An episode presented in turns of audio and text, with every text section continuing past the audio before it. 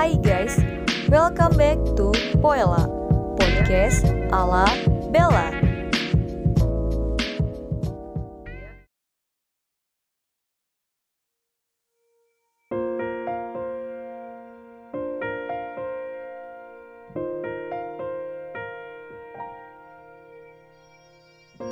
Oke, guys, balik lagi sama gue di sini aja nggak di mana-mana.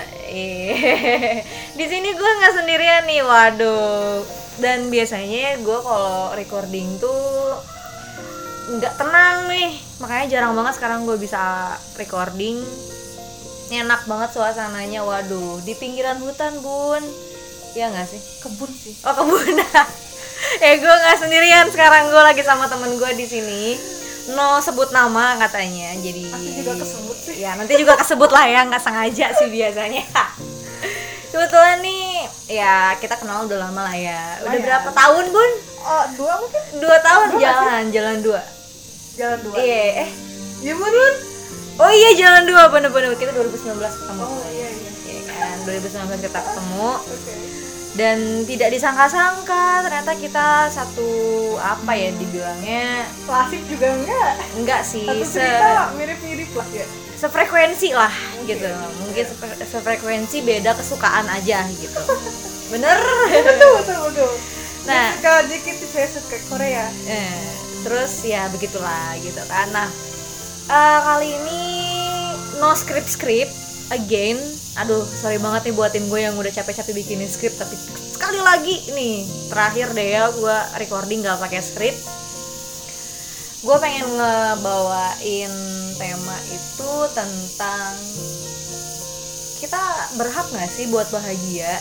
Weh, saik nggak sih? Sabi banget. Keras sih. Gue kaget tadi malam si Bella ngechat gitu ya Eh besok recording yuk gitu Temanya tentang Do we song to be happy Amin Wuh Kaget gitu Kok jadi gue yang diajak? Tapi ya udahlah ikut-ikut aja gitu. Karena kan sekarang gue mau ada kegiatan nih gitu kan. Jadi eh, lagi nunggu juga. Jadi sambil nunggu killing time-nya yang penting sambil recording aja. Mumpung gue ada teman nih buat recordingnya dan kebetulan kita satu cerita juga Yes. gitu kan. Jadi kayak yaudah deh sih sekalian aja gitu. Kayak eh apa ya sharing aja sih gitu kan sebenarnya manusia itu berhak nggak sih buat bahagia dan menurut lo sendiri nih bahagia versi lo itu apa sih bahagia versi gue tuh sederhana banget loh ada orang yang satu frekuensi lagunya sama gue udah itu aja Woi, Simple. lo suka lagu apa nih? Selain ya Korea kan, cuman Iya. kayak lebih spesifiknya gitu. Korea tuh sebenarnya cuman sekedar kalau gue lagi bosen ya dengan Korea aja gitu. Dulu juga gue nggak terlalu inti ke Korea gitu ya. Paling cuma ke ke fandoman doang. Tapi kalau lagu itu intim banget buat gue. Sampai sekarang belum ada orang yang genre lagunya sama kayak gue gitu. Oh, kalau misalnya kalian tahu ada band namanya M83 atau Lana Del Rey, Hozier? Kodaline, gak tahu kan? Enggak, Kodaline kayaknya gue tahu deh. Kodaline pasti tahu. Gua Kodaline Tapi tahu. biasa- kalaupun ada orang yang dengerin Kodaline pasti cuma lagu-lagu itu doang. Kalau gue oh, whole album gue bener-bener dengerin gitu. Ay. Nah, gue kalau misalnya Kodaline comeback lah istilahnya kalau di Korea gue uh mantengin itu. Jadi kalau gue dengerin lagu bener-bener semuanya artis itu. Dan sampai sekarang gue belum nemuin.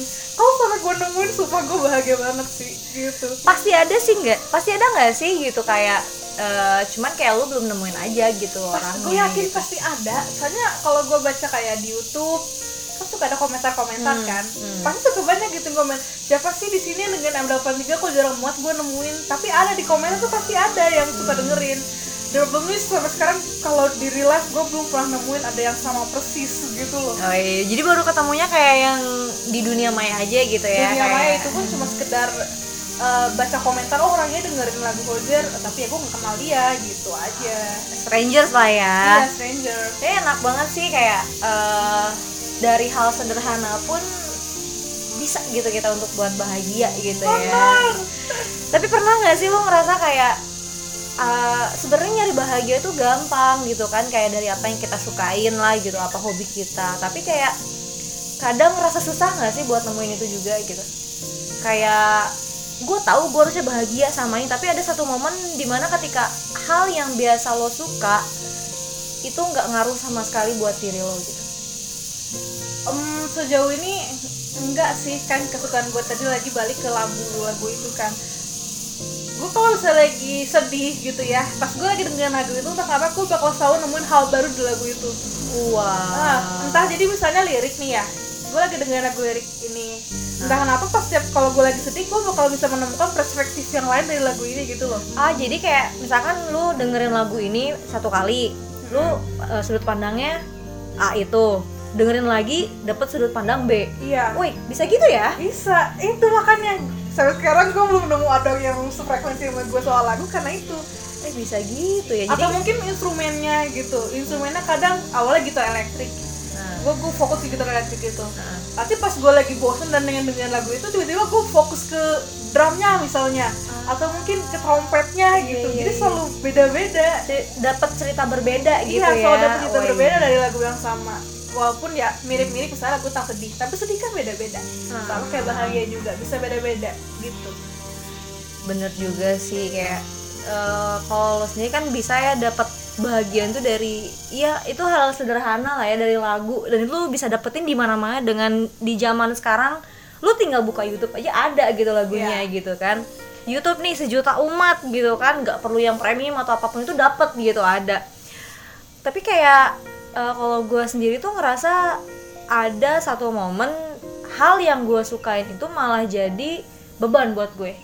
Oh tuh kayak gimana? Ya, kayak gue tuh kan suka banget eh bersosialisasi nih. Hmm. gue senang nih ngobrol sama orang lain gitu kan entah itu yang gue kenal entah itu yang stranger sampai orang bilang gue ini apa ya? Butterfly apa sebenarnya social butterfly. Iya iya gue nggak tahu tuh apaan tuh. Nah, itu Gua baru sebenarnya gitu. butterfly kan ngepak tuh Iya. sayapnya lebar kan. Ah. jadi istilahnya gampang mengayomi ah orang gitu. iya nah gitu. Nggak lu tau lah gue kayak gimana orangnya kan. Tapi kadang ada satu satu titik di mana gue tuh kayak gue melakukan hal itu malah bikin beban sendiri buat gue gitu. Kayak gue dulu gue melakukan hal itu apa tadi social butterfly itu ya. Gue kayak ya udah cuman ingin ngobrol ingin kenalan dengan orang baru. Kalau misalkan panjang nih ceritanya jadi temen gitu kan. Jadi wah temen kita masih kadang-kadang suka hangout atau ketemu lagi itu jarang banget sih kalau gue ya. Biasanya cuman sekilas kali ketemu ngobrol ya udah ber- berlalu begitu aja gitu. Dan itu tuh nggak bikin eh gue mikir apa-apa gitu kan kayak ya udah ngobrol sekali ekspektasi pun eh, maksudnya ekspektasi orang pun nggak akan gue pikirin berlanjut gitu kan. Tapi eh, beberapa waktu ini bahkan ada di satu titik gue bener-bener nggak mau ngobrol sama orang lain karena gue takut ekspektasi orang mempengaruhi pikiran gue gitu. Serem gak sih? Ada beban gitu ya karena orang berekspektasi gitu ya. Yes, serem gak sih? Jadi kayak ah enggak deh gue udah nggak mau lagi deh gitu untuk ngobrol sama orang lain karena gue takut orang lain mikir yang aneh-aneh gitu gitu kan kayak nih orang kenapa ya gitu zaman sekarang emang masih ada nih orang kayak gini gitu kan ya walaupun sebenarnya banyak gitu orang yang eh, biasa ngobrol sama orang yang gak dikenal strangers lah gitu kan kayak lagi di angkutan umum tiba-tiba lo ngobrol sama ibu-ibu gitu kan. Sebenarnya di hal kayak gitu masih banyak cukup ditemukan ya untuk kayak di perkotaan pun sebenarnya masih ada tapi kayak itu loh kayak gue ngerasa aduh gue kalau ngajak ngobrol bakal disangka orang aneh nggak ya? Gue bakal SKSD gitu. Yes kayak takut disangka orang jahat gitu kan. Sekarang juga orang jahat berkedok orang baik ya nggak Iya, sih? Kayak betul. aduh gue takut nih gitu. Aduh takut. Iya iya gak ngerti. Di situ makanya kayak eh, kadang eh, itu kan hal yang bikin gue bahagia tuh. Tapi dengan overthinkingan yang gue punya tiba-tiba kayak aduh sebenarnya gue berhak nggak sih buat bahagia gitu? Dengan hal eh, apa ya hal sederhana kayak gitu doang gue udah ngerasa kayak takutnya ngebebanin orang lain gitu. Sedih nggak sih? Gue sedih banget dong sampai ih. Terlalu ini berarti ya memperhatikan pendapat atau orang lain lah Yes, gitu Jadi kayak terlalu mikirin apa kata orang iya, gitu iya. kan. Kayak sebenarnya juga ada faktor lain sih gitu kan kayak lo tahu gue biasanya seneng ngobrol, lo tahu biasanya gue seneng kayak kegiatan-kegiatan kayak gitu, tapi tiba-tiba lo ngerasa langsung ke down gitu loh kayak aduh gue biasa ngelakuin hal ini gini loh kayak sebenarnya nggak apa-apa di situasi itu kita lagi ada kegiatan nih. Di situasi itu sebenarnya nggak apa-apa tapi kayak aura hmm, aura nggak tuh? Kayak apa ya? Bukan aura. Hal-hal di sekeliling lu tuh kayak mengatakan bahwa apa yang lo lakuin itu lu ngapain sih gitu loh? Gitu kan? Kayak gue ngajak gue apa ya gue kayak ngobrol sama lu nih gitu kan? Terus kayak gue minta tolong kalau gini gini gini gini tapi ya misalkan dari ekspresi lu mengatakan ya nggak apa-apa gitu. Tapi Iya. kayak perasaan maksudnya kayak ya aura di sekeliling itu kayak mengatakan gue ngerasainnya tuh kayak anjir si Bella ngapain sih? gitu. Hmm. ngerti nggak sih? Gitu kan kayak yaudah lu lagi di satu lagi lagi di satu situasi yang bikin lo itu jadi ngerasa kayak ya muka bilang nggak apa-apa tapi kayak dia ngapain sih gitu loh. Pasti pernah ada kali ya orang di real life yang kayak bilang lu ngapain sih? gitu. Yes. Pernah ya? Pernah banget. Nah, jadi nah dari situ tuh kayak gue ngerasanya aduh salah nih gue nih ngambil posisi ini gitu. Maksud posisi itu gue harus seharusnya nggak ada di situasi itu gitu. Lu jadi ngiranya karena si orang ini pernah ngomong langsung ke lu setiap ada orang yang berekspresi sama kayak orang ini lu ngerasa kalau si orang ini itu adalah menganggap seperti si orang yang bilang langsung. Yes. Ah I see.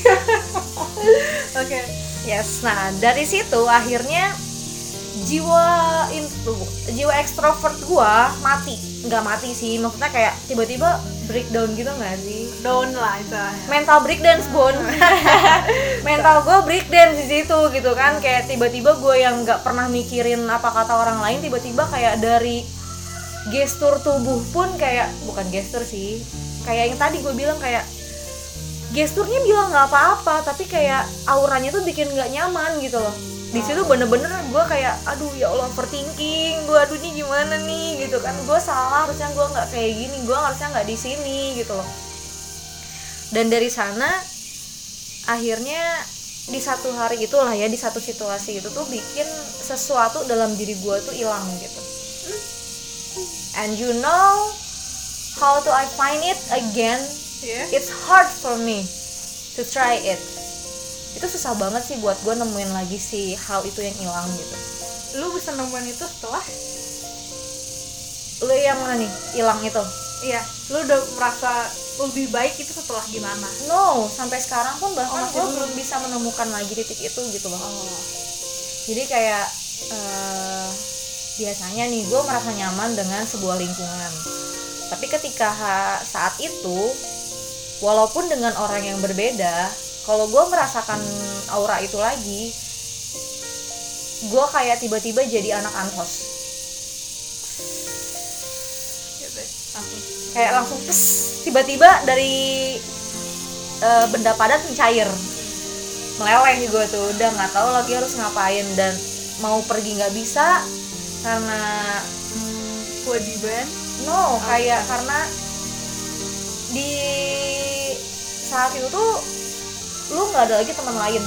Maksudnya bukan teman sih maksudnya kayak nggak ada orang lain lagi yang lo kenal selain mereka. Kalau lu misalkan keluar dari sana harus sosialisasi lagi. Yes padahal kan udah nggak ada energi. Iya gitu. Jadi kayak oh my god what should I do? Iya iya. Kayak lu bingung gak sih gitu kan? Ya ampun nih.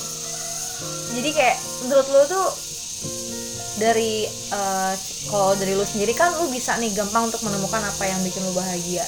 Bukan bahagia sih kalau yang tadi. Aku sebenarnya lebih kayak mengalihkan gitu mengalihkan Ah. kesedihan gitu. Sedih mau wah tiap hari juga sedih. Ah. cuman sebenarnya gue punya sesuatu untuk mengalihkan kesedihan itu. Jadi nggak terlalu berlarut walaupun kalau udah selesai dari itu balik lagi sedih. Gitu.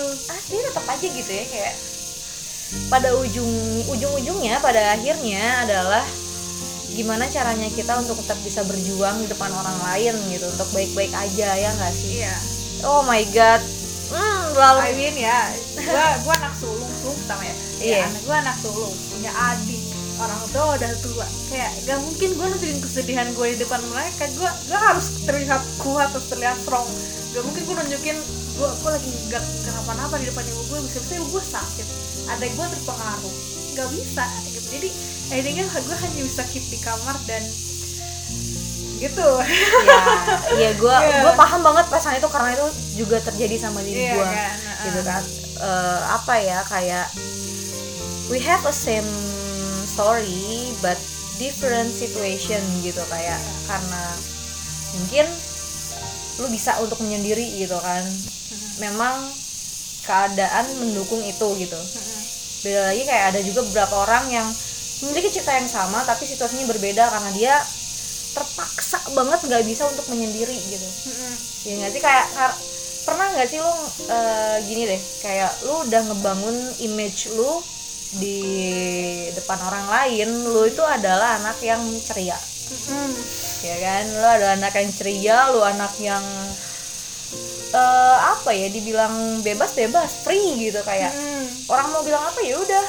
Ada chat amat I don't care gitu kan. Tapi kayak di saat lu ada di eh di saat lu lagi down kayak gitu dan lu harus tetap mempertahankan image lu gitu. Ya kita tuh udah gak ada energi sama sekali sebenarnya yes. Itu susah banget sih. Dan ya kalau buat gue pribadi ya jujur gue masih susah untuk menemukan itu lagi. Karena faktor lainnya pun ini banyak banget sih faktornya ya untuk kita tidak bah untuk merasa tidak bahagia atau tidak baik-baik aja tuh. Lu pernah gak sih ngerasa hilang tujuan gitu? Setelah pandemi. Uh, after pandemic ya everybody ya. Lost everything. Yes merasakan hal sama ya. Merasakan hal yang sama banget. Karena Iya. biasanya yang kita sebelum pandemi itu gampang gak sih buat ngapa-ngapain Iya, dan untuk mengalihkan baik lagi tadi ke kesedihan itu, mengalihkan kesedihan itu mudah sekali saat eh, saat kita hidup normal, mau menyibukkan diri enak, mau kalaupun misalnya lagi bosennya dengan pengalihan yang biasa kita lakukan, mungkin kita bisa nonton atau mungkin self healing ke museum ke atau Yes. nge-cafe. Sekarang right. bisa, kita hanya bisa terjebak di rumah diam dan tidak bisa apa-apa. makin-makin deh tuh ya kita overthinking. Nggak bisa tidur tiap malam ya. Overthinking that uh, bisa membunuh kita secara perlahan sih sebetulnya. Nah buat teman-teman sendiri nih yang lain gimana sih cara kalian mengalahkan rasa overthinking itu? Atau misalkan kayak mengalahkan rasa harusnya gue bisa bahagia tapi kok susah ya nah itu gimana sih cara kalian mengatasi hal-hal yang kayak gitu gitu? Do we deserve to be happy dengan keadaan sekarang yang kayak gini ya? Pandemi yang menghalangi membatasi gerak gerik kita gitu. Eh ini kalau misalkan dibahas lagi kayaknya bakal jatuh lebih dalam lagi sih. Mau lanjut? lanjut nggak nih kalau lanjut mungkin gue bakal bikin part 2 nih. Karena kalau sekarang I think ini bakal dalam banget dan ini bakal lama banget sih. Ya nggak sih? Bakal lama banget dan emang sebenarnya hal-hal yang membahas tentang ketidak baik-baik saja itu tuh banyak banget sih faktornya gitu dan mungkin nanti gue nggak akan sama temen gue ini doang nih si Mister Mister Miss X ini gitu kan. Mungkin kalau buat teman-teman yang kenal sama gue sama temen gue ini kayaknya kenal lah suaranya. Tapi nggak usah disebut nama ya karena nah Malu. Yes, karena apa ya itu tadi setiap orang punya ceritanya masing-masing, setiap orang punya problematika hidupnya masing-masing, setiap orang punya caranya sendiri untuk bertahan hidup, caranya untuk bisa terlihat baik-baik saja di depan kalian gitu kan, di depan orang lain, even di depan diri lo sendiri, di depan cermin kayak gitu. Tapi susah nggak sih biasanya kalau kita terlihat baik aja di depan diri kita sendiri? kalau untuk diri sendiri mah nggak mungkin sih gue bakal jujur sama diri sendiri gue bakal weh gue gue udah gak kuat weh udah itu kalau kalau kalau itu sama diri sendiri udah gak bisa. Ya kayak lu duduk depan cermin gitu kan kayak lu perhatiin lah lu perhatiin lah diri lu sendiri gitu buat kalian juga gitu yang di rumah yang lagi dengerin ini coba deh kalian duduk di depan cermin kalian pandangin wajah kalian kalian yang selama ini terlihat ceria kalian yang selama ini kelihatan baik-baik aja kelihatan bahagia bahagia aja. Coba deh pandangin diri lo sendiri. Sebenarnya nggak apa-apa kok untuk nggak ngerasa baik bah- apa baik baik Baik-baik aja, aja. gitu. Kadang lu juga harus harus ngerasa apa ya? Kalau kata drama it's okay not to be okay. Yes. Jadi jangan terlalu memaksakan diri lu gitu bukannya gini loh kayak bukan berarti gue nyuruh kalian untuk eh, menyerah. yes kayak gue atau kayak teman gue gitu kan gue gak kayak mau menyerah. Gak ah gue gak mau menyerah. Cuman emang sudah waktunya saja. Yes ini kayak eh, jangan pernah nipu diri lu sendiri deh dengan bilang lo baik-baik aja. Asli If- jangan itu. Apa ya sebenarnya eh, mental sickness atau kesehatan mental kalian itu tuh bukan hanya dari lu kurang dekat sama Tuhan aja sih. Hubungan juga. Lingkungan juga dan keadaan. Bener setuju nggak sih lo? Iya. kita udah sering misalnya nih buat yang muslim kita udah sering sholat kita udah sering minta sama Allah nih. Ya Allah kenapa ya? Kayak ngerasanya kosong banget. Kita udah sering baca Quran kita udah sering melakukan hal-hal baik kita sudah mendengarkan perintahnya dan menjauhi larangannya tapi tetap aja ngerasa kayak ada satu titik di mana lu ngerasa bener-bener kosong gitu di hidup lo padahal lu tahu gitu kan lu deket nih sama Allah tapi tetap ngerasa kayak gitu. Jadi kayak nggak eh, nggak selamanya eh, apa tuh namanya istilah kurang deket kurang iman lah. Yes lu eh, depresi karena nggak deket sama Tuhan tuh itu nggak selamanya benar sih statement itu ya.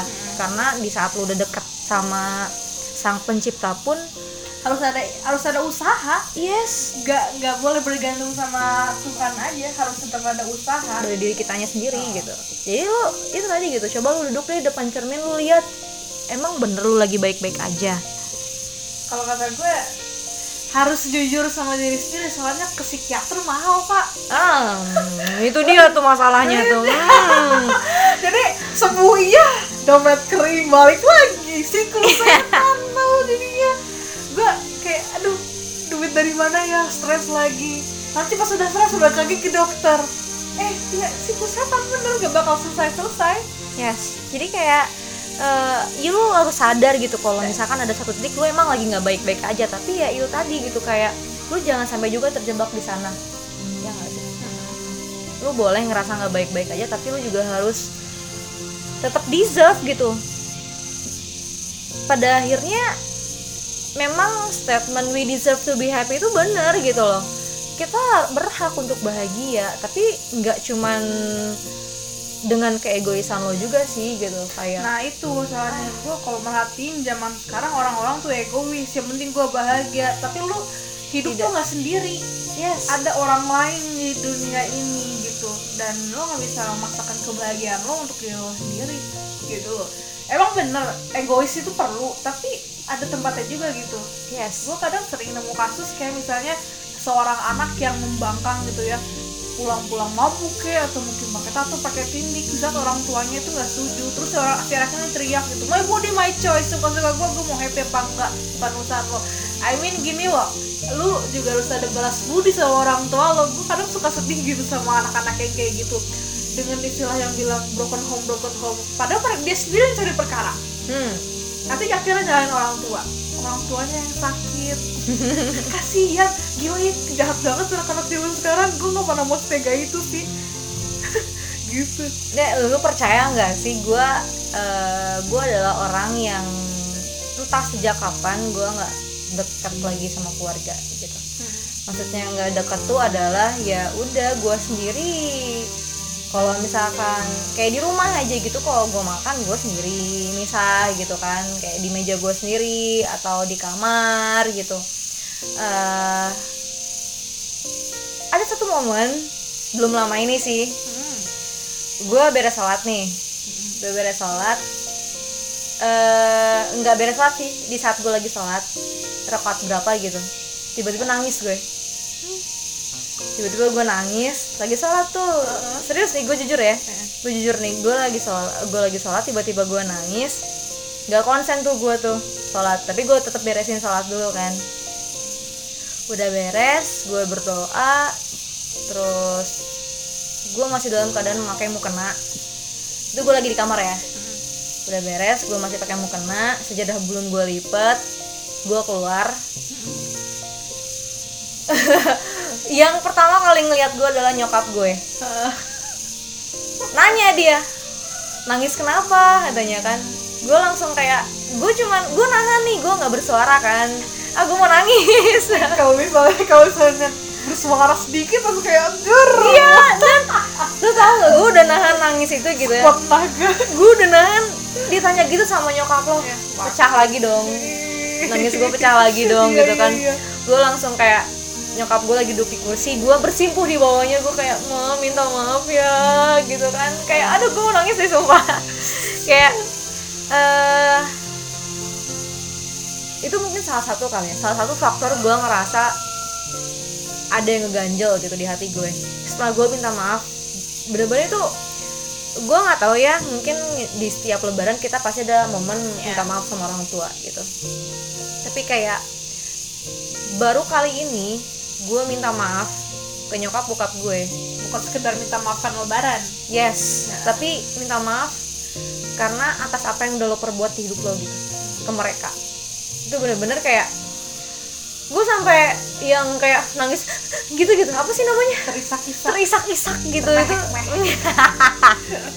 Iya kayak ya Allah. Eh, kayak nyokap gue sama nangis gitu kan aduh. Kayak hal gue anaknya dibilang datar-datar. Gue bilang cuek-cuek. Tapi ketika lu ngeliat orang tua lu nangis tega nggak sih lu? Itu dia. Nggak gini gue jujur aja gue kalau secara emosi sepertinya nggak terlalu gitulah sama orang tua gitu ya. Tapi sebenci ben- harusnya ya Hmm. menurut gue ya pendapat gue sebenci bencinya lo sama orang tua lo lo nggak bakal ada tanpa orang tua. Lo lo nggak boleh nyalahin. Gue nggak pernah ada minta untuk dilahirin. Lo nggak bisa nyalahin kayak gitu.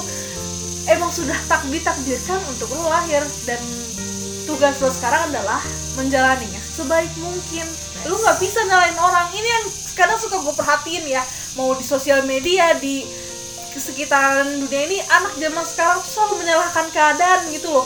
Ujung-ujungnya pasti bilang kayak gini gue gak pernah minta dilahirin. Terus kalau udah kalau udah kayak gini mau gimana? Lu mau terpuruk gitu aja ya nggak bisa gitu lu harus ada usaha. Lu wah aduh ini masih gue soalnya gue pernah ngomong kayak gitu ke ibu gue dari gue nggak pernah minta dilahirin gue ngomong gitu ke ibu gue terus ibu gue langsung kayak shock gitu. Terus kamu dilahir mau gimana dong? Mau mau mau mau mati gitu ya nggak bisa. Hidup lu cuma sekali gitu. Nggak bisa lo nggak bisa nyalahin lo nggak bisa nyalahin ke- keadaan gitu lo kenapa sih orang-orang sekarang gampang banget nyalahin keadaan iya nih gara-gara pandemi iya nih gara-gara ini gitu ya iya pandemi udah terjadi terus sekarang lo mau apa itu lo kan bisa menyalahkan semua segala hal gitu loh harus mencari apa yang harus gue lakukan supaya lo jadi lebih baik Yes, anjir ini Allahumma. Hmm, kan kata-kata kosong toxic keluar. Kayak apa? It's a deepest story gitu kan kayak eh, dari bahasan bahagia aja nih bisa muncul berbagai cerita-cerita dark dalam gitu loh. Jadi deh pokoknya kalian coba nih ya eh, kasih tahu gue nih apakah gue harus lanjut lagi di part kedua? Ini karena udah mau hampir setengah jam bun. Oh Kerasa nggak sih iya, kita- iya, betul. Ini udah sampai setengah jam. Kalau misalkan kalian setuju buat dibikin part 2 mengenai bahasan do we deserve to be happy ini gue bakal lanjut mungkin nggak akan cuman berdua doang nih sekarang. Nanti kita pakai discord aja kali ya kita ngobrol sama teman-teman yang lain. Oh iya, boleh, strangers nih kebetulan. Oke. Eh, lu punya temen gak gitu yang ada di posisi kayak gini juga? Kayak ngerasa apakah kita berhak untuk bahagia? gitu. Tapi gue juga bakal bawa teman-teman gue yang ngerasa kayak gitu. Kita ngobrol bareng-bareng lagi. Kita ngobrol banyak lagi. Iya. berat sih sumpah Gak tau. gitu aja ya teman-teman thank you eh kalian udah dengerin Poela di episode kali ini. Kita ketemu lagi di episode lain. Tetap jaga kesehatan, tetap jaga jarak, tetap jaga mental kalian. Jangan sampai kayak orang-orang yang sedang berusaha untuk bahagia. Tapi ya kalian memang berhak untuk bahagia. Dadah.